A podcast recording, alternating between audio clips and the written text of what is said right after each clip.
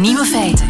Dag, dit is de Nieuwe Feiten podcast van woensdag 15 mei 2019 alweer.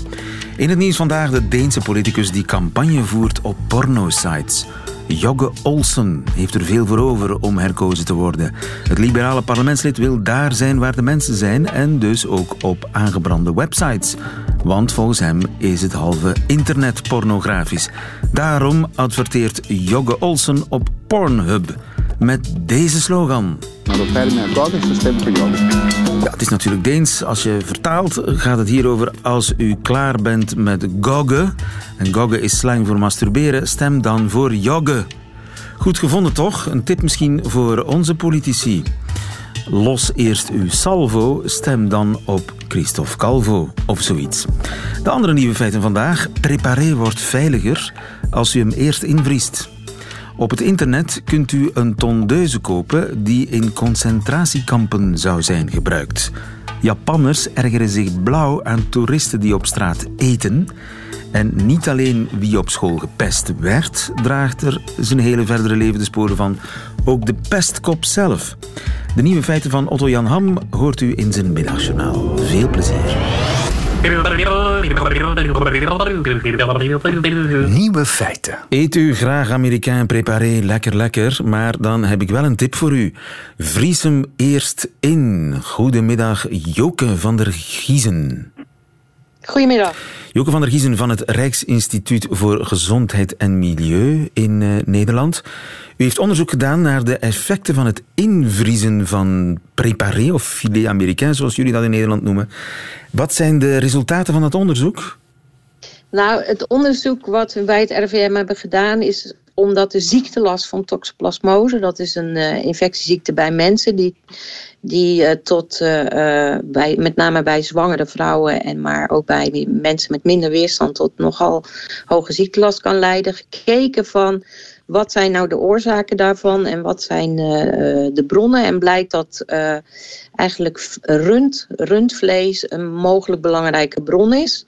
En wat we hebben gedaan is gekeken wat voor soort interventies, maatregelen kan je nemen om die ziektelast naar beneden te brengen.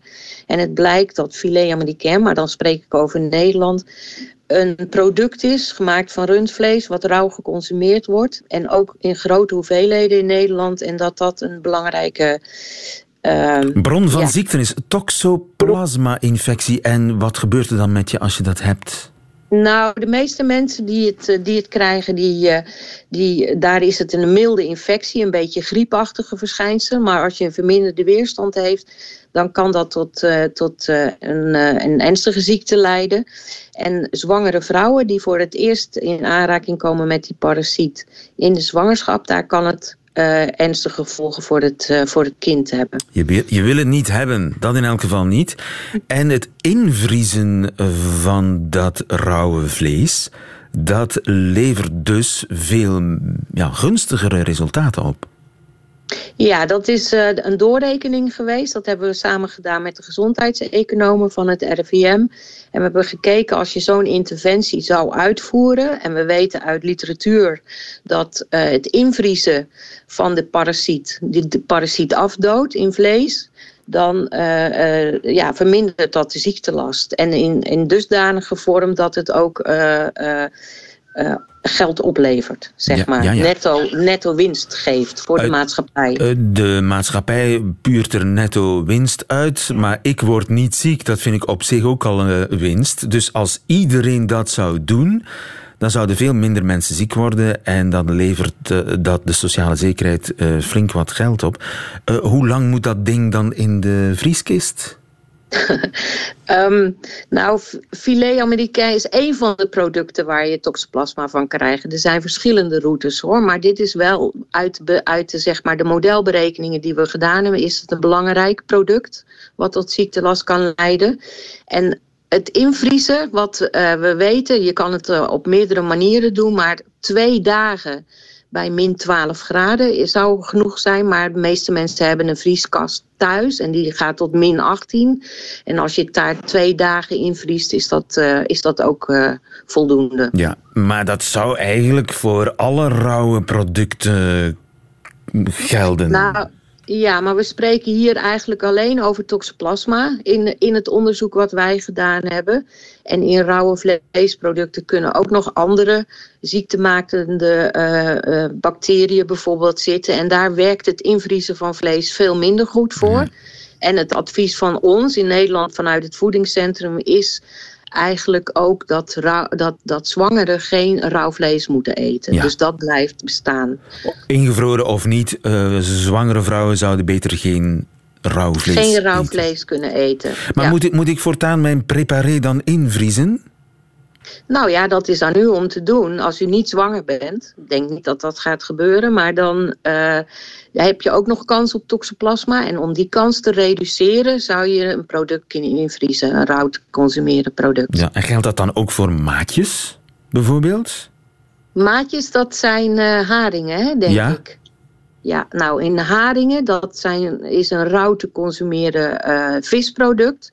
Die moet eigenlijk al wettelijk ingevroren worden voordat hij bij de consument komt. Maar daar zit geen toxoplasma in, daar zit haringworm in. En dat is ook de reden waarom dat is wettelijk vastgelegd dat die ingevroren moet worden voor consumptie. Dus dat gebeurt er. Maar toxoplasma krijg je niet van het eten van haring. Ja, en zoiets als uh, tiramisu, want daar zit rauw ei in, hè? Uh, een rauw ei, daar zit ook geen toxoplasma in, maar daar zou salmonella in kunnen zitten. Nou, dat helpt niet om het in te vriezen, want salmonella is een bacterie en ja, die, die wordt misschien wel een klein beetje minder fit van invriezen, maar die overlijdt er niet van zoals toxoplasma. Dat is een parasiet die gaat echt dood door invriezen. Oké, dus dat dus, is eigenlijk uh, weinig. Uh, dat heeft geen effect. Geen effect. Préparé, Américain préparé of uh, filet Américain even invriezen gedurende twee dagen. En u maakt veel minder kans op een toxoplasma-infectie. Dankjewel, Joke van der Giezen. Goedemiddag. Graag gedaan, tot ziens. Nieuwe feiten. Ik zie hier iets raars te koop staan op het internet. Een concentratiekamp tondeuse. Goedemiddag, Kees Ribbens. Goedemiddag. U bent onderzoeker en u werkt ook aan een boek over de commercialisering van het erfgoed van de Tweede Wereldoorlog. Verderop in het zoekertje op Katawiki staat dat de concentratiekamp Tondeuze in goede staat is en origineel. En de foto's tonen een, ja, een tondeuze met rode houten handvatten, een roestend uh, snijmes. Zou afkomstig zijn uit een Duits concentratiekamp. Gelooft u dat? Nou ja, ik denk dat we het woordje zou hier centraal uh, moeten stellen. Het zou inderdaad kunnen, maar er wordt geen documentatie aangeleverd die dat ook uh, daadwerkelijk bevestigt. Dus het lijkt me verstandig om dit met enige voorzichtigheid te bekijken. Het ding is wel iets groter dan de normale tondeuze die toen gebruikt werd door uh, moeder de vrouw of door de kappers. Het is een groter ding, 27 centimeter. Ja, dat, dat wil ik op zich wel geloven. Uh, maar dat is natuurlijk nog niet direct doorslaggevend wijze dat het ook inderdaad uh, gebruikt is in een concentratiekamp. Uh, het kan natuurlijk zijn dat het specifiek inderdaad voor, voor militair gebruik is gemaakt. Dat zou er misschien erin kunnen resulteren dat het in een concentratiekamp werd aangewend. het zou bijvoorbeeld ook gebruikt kunnen zijn voor het nagenoeg kaalscheren van recruten in de Duitse Wehrmacht. Dat is op zich lastig te zeggen, alleen op basis van deze beperkte informatie.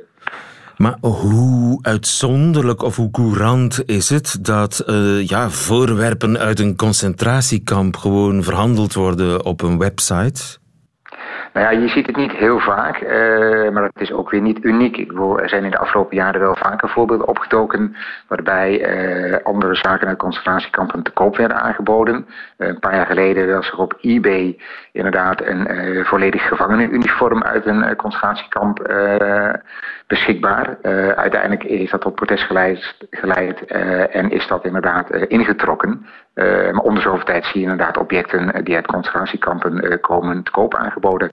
Trouwens niet alleen op het internet, maar ook op allerlei beurzen van bijvoorbeeld Militaria. En de tondeuze in kwestie zou dan gebruikt zijn om iedereen die in het uh, kamp zat kaal te scheren? Ja, ik, neem aan dat dat inderdaad uh, het oogmerk is uh, geweest. Uh, ja, of dat dan inderdaad in een concentratiekamp of in een vernietigingskamp is geweest, uh, bij welke gevangenen het precies gebruikt is, uh, ook daar moeten wij naar, naar gissen. Ja, dat staat er niet op natuurlijk. Hè? Zo'n Nee, ding dat- kan niet spreken. Nu, eh, wie koopt zoiets? Nou ja, dat, dat, dat is een hele terechte vraag. Eh, gezien het medium waarop het wordt aangeboden, deze internetveiling, denk ik dat het vooral inderdaad op verzamelaars is eh, gericht. Dus mensen die allerlei objecten uit de Tweede Wereldoorlog eh, verzamelen. Vaak gaat het om allerlei militaire zaken. Denk aan helmen, uniformonderdelen. Eh, soms ook eh, delen van de wapenuitrusting, al dan niet onklaar eh, gemaakt. En in een aantal gevallen heeft het betrekking op de, de slachtoffers van het Duitse vervolgingsbeleid. Ja. Ja, er zijn verzamelaars die het interessant vinden, maar soms zijn er denk ik ook wel musea Ja. die dit proberen te volgen. Maar er zijn heel veel verzamelaars van memorabilia van de Tweede Wereldoorlog die niet noodzakelijk fan zijn van het naziregime, toch? Nee, nee, nee, absoluut. Ik denk dat het goed is om dat uit elkaar eh, te houden. Niet iedereen die objecten uit de Tweede Wereldoorlog verzamelt, heeft eh, nazistische of neonazistische sympathieën. Eh, dat, dat, dat is niet meteen inderdaad één en dezelfde doelgroep. Maar in de beeldvorming speelt vaak wel een rol inderdaad dat mensen die dit soort spullen zeggen te verzamelen, met uh, gefronste wenkbrauwen worden bekeken van Ja. ja, is hij of zij wel politiek betrouwbaar wat dat Ja. betreft. Maar hoort zo'n ding, zo'n tondeuze, in de veronderstelling dat het een origineel exemplaar is, niet eerder thuis in, in een museum? Moet dat eh, op een website te koop worden aangeboden? Ik denk dat het inderdaad goed op zijn plek zou zijn in een museum of in een herinneringscentrum. Uh, er is ontzettend veel erfgoed bewaard gebleven uit de Tweede Wereldoorlog. Eigenlijk veel meer dan de musea kunnen uh, tonen. Uh, veel musea hebben ook een overvol depot. En gezien ook het belang dat wij met z'n allen aan de Tweede Wereldoorlog hechten, is het niet zo vreemd dat er dan ook individuen zijn die daar graag een privécollectie over opbouwen. Ja. de vraag die daarnaast inderdaad nog gesteld wordt is van, ja, is het dan wel kies om zoiets inderdaad via een uh, internetveiling aan te bieden? En ja, daarover uh, kun je mijn inziens terecht van, van gedachten wisselen. Ja, echt fris is het niet, maar wel legaal. Het, het, is niet verboden. Er, zijn bepaalde zaken die inderdaad verboden zijn om, om in te handelen. Denk bijvoorbeeld inderdaad aan de boeken van, van Adolf Hitler, Mein Kampf. maar veel zaken die inderdaad dateren van de Tweede Wereldoorlog kunnen zonder enige juridische obstakel verkocht en, en, en, en aangekocht worden. kunnen we spreken van een soort hiaat in de wetgeving? Moet hier iets tegen gedaan worden? Nou, ja, misschien is het wel een hiaat, maar niet, niet direct denk ik in juridische zin. Ik denk dat het goed is dat we er met z'n allen bij stilstaan van wat we nou eigenlijk precies willen met al dat erfgoed van, van de Tweede Wereldoorlog. Er is heel veel erfgoed. Uh, soms heeft dat een buitengewoon sterke emotionele betekenis. Uh, betekent dat automatisch dat je het niet zou mogen uh, verhandelen? Of betekent dat het alleen maar voor bepaalde partijen zoals musea beschikbaar zou, zou moeten zijn? Ik denk dat het verstandig is om dat een keer expliciet met elkaar te bespreken, omdat allerlei aannames zijn die we nooit manifest uh, maken. En dat er daarom misschien uh, ook niet echt goed zicht bestaat op wat nou eigenlijk het beste of het meest verstandige zou zijn om, om te doen. tegelijkertijd is het ook zo dat de oorlog komt steeds meer op afstand te staan. de bevrijding ligt inmiddels bijna 75 jaar achter ons. ja, op een gegeven moment worden dit misschien toch, hoe vreemd het wellicht nu nog klinkt, historische voorwerpen zoals andere historische voorwerpen, waar doorgaans ook vrij ingehandeld mag worden. Ja, gisteren stond de tondeus op 3 euro, vandaag op 50 euro. Ik ben benieuwd hoe dit afloopt. Dankjewel, Kees Ribbens. Goedemiddag. Graag gedaan. Nieuwe feiten. Bent u misschien van plan om uh, op vakantie te gaan naar Japan? Dan deze tip voor u. Eet niet op straat. Veerle de Vos, goedemiddag. Goedemiddag. Ja. Onze Verre Oostenkenner. Ja, het is niet goedkoop hè, om op vakantie te gaan naar Japan. Nee. Maar wel in de mode. Meer en meer mensen doen het. Ja, toch? dat klopt. Een stijging van 250 procent de afgelopen tien jaar. Nergens ter wereld hebben ze zo'n sterke stijging van het toerisme waargenomen. Er is een dipje geweest na de tsunami en die kernramp. Maar sindsdien gaat het terug steil bergop. Ja, ze ja. krijgen een koekje van eigen deeg, hè, want wij krijgen al decennia Japanse toeristen, busladingen vol, met al hun toestellen, fototoestellen in aanslag uh, over de vloer. Nu krijgen zij uit het Westen toeristen over de vloer. En dat is raar voor hen, want Japan is een hele mono... Tenminste, dat vertellen ze mij. Ja. Monoculturele samenleving. Dat is zo. En een heel verfijnde samenleving. En waar gaan die toeristen naartoe? Die gaan naar schrijnen, naar de oude wijken in Kyoto. Die gaan naar tuinen. En tuinen, uh, lieven, waar de, de tuinmannen letterlijk op hun sokken rondlopen en met een schaartje het gras bijknippen. Ik heb dat zelf gezien in de buurt van Kyoto. En dan komen daar plots die ja, bendes luidruchtige westerlingen. Niet alleen westerlingen, ook Chinezen komen in grote getalen naar Japan.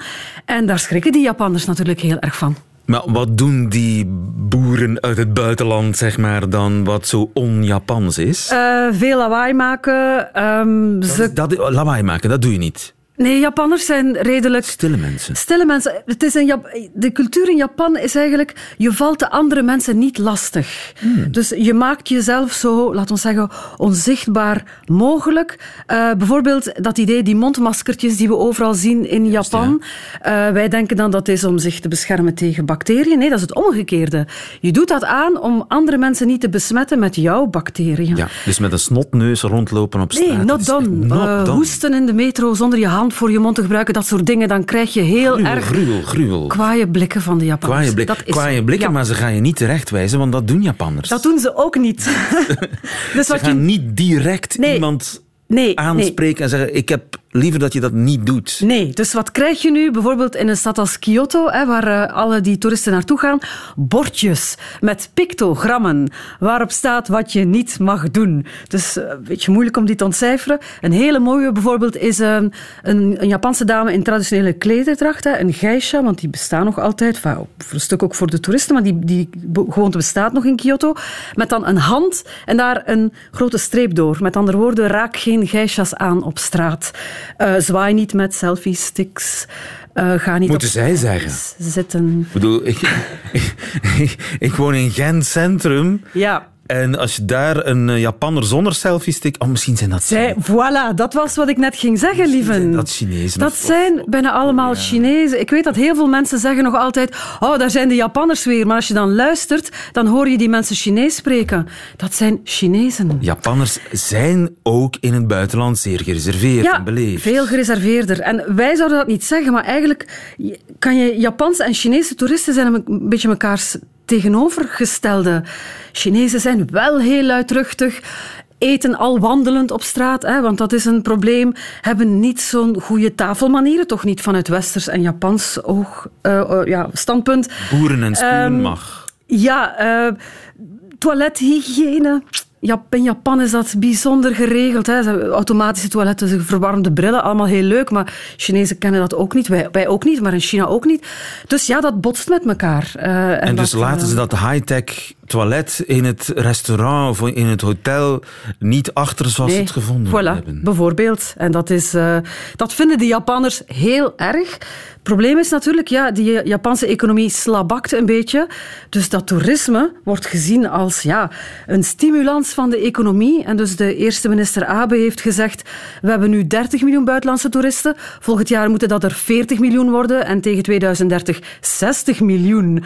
Maar hoe die Japanse maatschappij dat gaat absorberen, hoe ze daarmee omgaan, zullen gaan, dat is de vraag. Maar wat is nu zo erg aan eten op straat? Dat is mij nog niet duidelijk. Ja, um, dat doe je niet, lieven. Dat doe je niet. Heb ik daar last van als iemand anders eet? ja, want die mensen kunnen bijvoorbeeld, hè, dat zijn dan heel vaak in Japan, dingen op stokjes, garnalen op stokjes, tofu op stokjes. Je kan daar iemand mee prikken. Ja. Als je daarmee rondloopt, je laat dat, gauw geprikt. Bijvoorbeeld, je laat dat vallen, je laat je plastic bekertje vallen, vuilnis, allemaal dingen die ze in Japan niet gewend zijn en die ze niet graag zien. Je kan kleren vuil maken van andere mensen. Dat ook. Je dat saus morsen. Voilà, voilà je, hebt het, uh, je hebt het allemaal opgenoemd. Dat is een probleem. Dus, uh, ze zullen hangen... dus moeten kiezen. Het geld van de Chinezen. Ja, en, en, en de Westerlingen ook. Maar dan hè? nemen ze er de manieren bij. Ja, ja het, wordt nog, uh, het wordt nog afwachten hoe ze dat gaan verteren. Vera de Vos, dankjewel. Goedemiddag. Nieuwe feiten. Niet alleen wie vroeger veel gepest geweest is op school, voelt dat zijn hele verdere leven. Ook de pestkop zelf. Pedro de Bruikere, goedemiddag. In goedemiddag, lieven. Je bent uh, pedagoog in Gent, Artevelde Hogeschool, onze huispedagoog. Ook wel een beetje uh, nieuw onderzoek in Duitsland brengt dat aan het licht. Wel, het is onderzoek. Ze hebben het op drie plaatsen gedaan. Ze hebben het gedaan in Griekenland, de Verenigde Staten en Duitsland. En heel opvallend, de resultaten waren over de drie landen gelijk. Dat is op zich ook al een verrassing. Ja, want ze hadden heel bewust deze drie landen gekozen omdat ze heel verschillend zijn. En ze dachten, ja, misschien is het ene land beter voor pesten of minder goed voor pesten. Maar er waren nauwelijks verschillen. En waar er dus ook zeer weinig verschillen waren, dat was in feite het effect van pesten voor zowel diegene die gepest wordt als de pester. We zien dat die later dan gemakkelijker aan uh, bijvoorbeeld een probleem met drank zou kunnen hebben. Dat ze veel meer moeite hebben om met uh, vrienden te babbelen. Uh, ze worden allemaal een beetje een, een, soort van, niet paria, maar toch moeilijker in de groep komen te liggen. Maar je zou toch denken dat de pestkop zelf, ja, dat is, dat is het alfamannetje. Dat is toch het beeld dat je hebt. Dat is de succesvolle manager van later. Ja, of de Queen Bee wordt ook soms gezegd, want het moet niet enkel jongens zijn, voor alle duidelijkheid. Maar dat valt dus heel erg op. Nee, het valt op dat in feite ook zij een beetje moeilijk komen te liggen. En hebben we daar een verklaring voor? Uh, dat is het probleem bij dergelijk onderzoek. Nee, omdat zij stellen vast, maar dan een verklaring is moeilijker te vinden. Want er zijn wel verschillen tussen jongens en meisjes. Omdat ik daarnet, je begon jij over alfamannetje en ik zei Queen Bee. We zien dat meisjes het meer gaan internaliseren dan jongens. Dat ze zich in feite wat slechter gaan voelen, daar binnen het minder gaan uiten. Maar voor de rest zijn er ook weinig verschillen. Ja. En, um... Maar ja, waarom wordt iemand pestkop of Queen Bee? Dat is toch ook vanuit een soort zwakte, veronderstel ik. Dat zou kunnen. De oorzaken kunnen velerlei zijn eh, om u zich af te zetten, om u te kunnen manifesteren. En het zou kunnen, maar ik ben heel voorzichtig, dat het is om op die manier misschien ook al uit een bepaalde situatie te geraken en op te vallen. Maar wat hier nu heel belangrijk is, is de vraag van wat doe je daar nu mee? Want ze zeggen van, oké, we zien dat de gevolgen voor pesters en pestkoppen, uh, pestkoppen en gepesten vrij gelijk is. En ze hebben dat gedaan bij echt heel veel. Bedoel, we spreken over steekproeven van duizenden kinderen die gedurende jaren gevolgd zijn. Zij zeggen van, we moeten ervoor zorgen dat er meer makkelijk onderling kan gebabbeld worden. Want dat zien ze dus gebeuren, dat zowel degene die pest als diegene die gepest wordt, dat die minder communicatie krijgt, minder makkelijk communiceert met de anderen. En dus moet je een sfeer creëren, vermoeden de onderzoekers, op school, waarbij onderlinge contacten makkelijker kunnen zijn. Dus hoe meer je en makkelijker je met elkaar communiceert, met elkaar praat, hoe lager de kans op pestgedrag.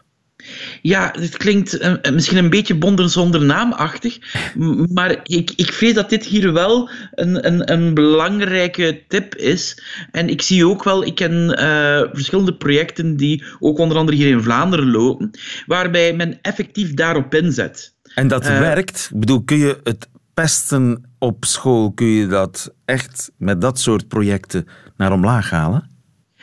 Verschillende projecten die ik gezien heb, wel. Nu, opgelet, er zijn wereldwijd heel veel projecten rond het verminderen van pestgedrag. En bijvoorbeeld in Nederland heeft men een hele grote vergelijkende studie gedaan. En het ene project werkt wel al beter dan het andere. Maar als ik kijk en ik combineer het met wat het onderzoek zegt, dan zien we dat een mogelijkheid waarbij dat er communicatie gestimuleerd wordt onder jongeren, al dan niet begeleid, dat dit waarschijnlijk wel een factor is om mee te nemen. Ja, want voor de rest, uh, het pestgedrag verschilt niet zoveel tussen nogthans zeer verschillende samenlevingen als Griekenland en eh, de Verenigde Staten. Uh, en Duitsland. En overal Duitsland. 9% ongeveer. Want in, in overal 9%. Ja.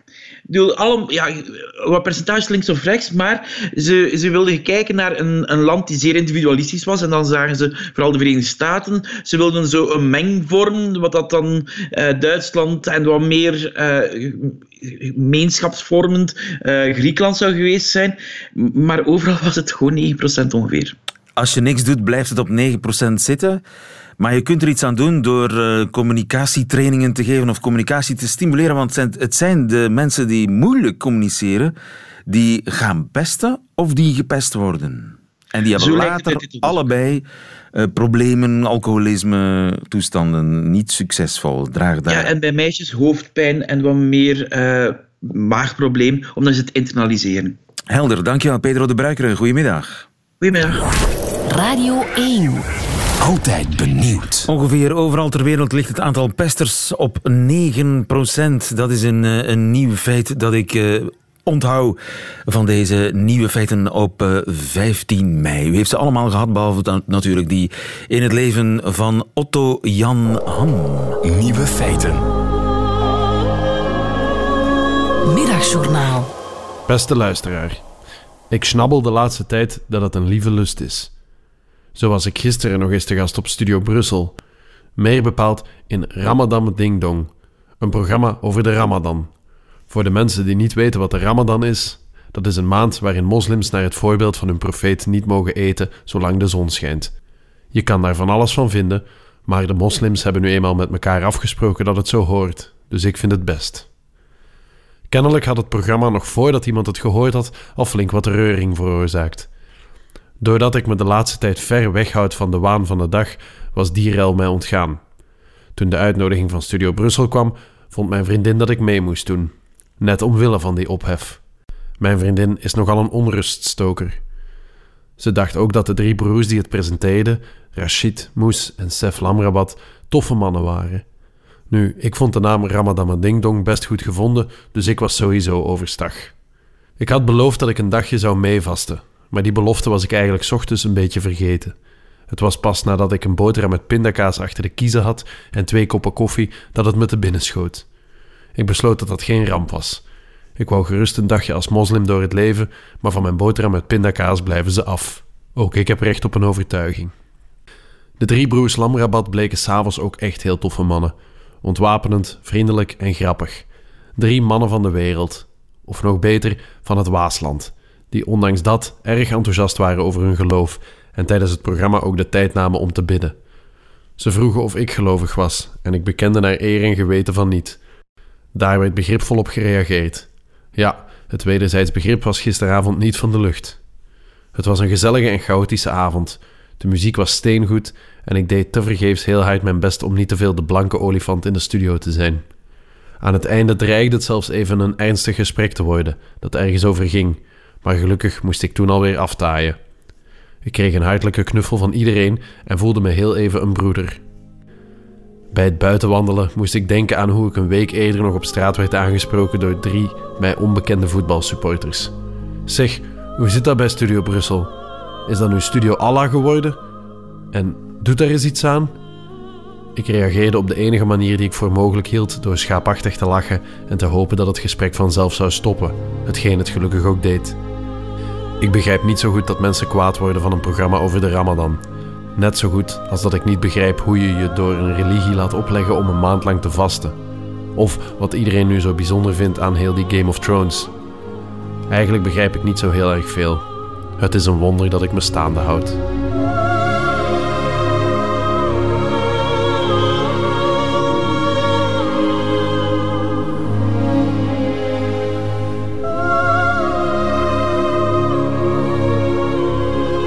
Otto Jan Ham in het Middagjournaal. Einde van deze podcast. U vindt er nog veel meer op radio1.be en op de podcastkanalen. Tot volgende keer.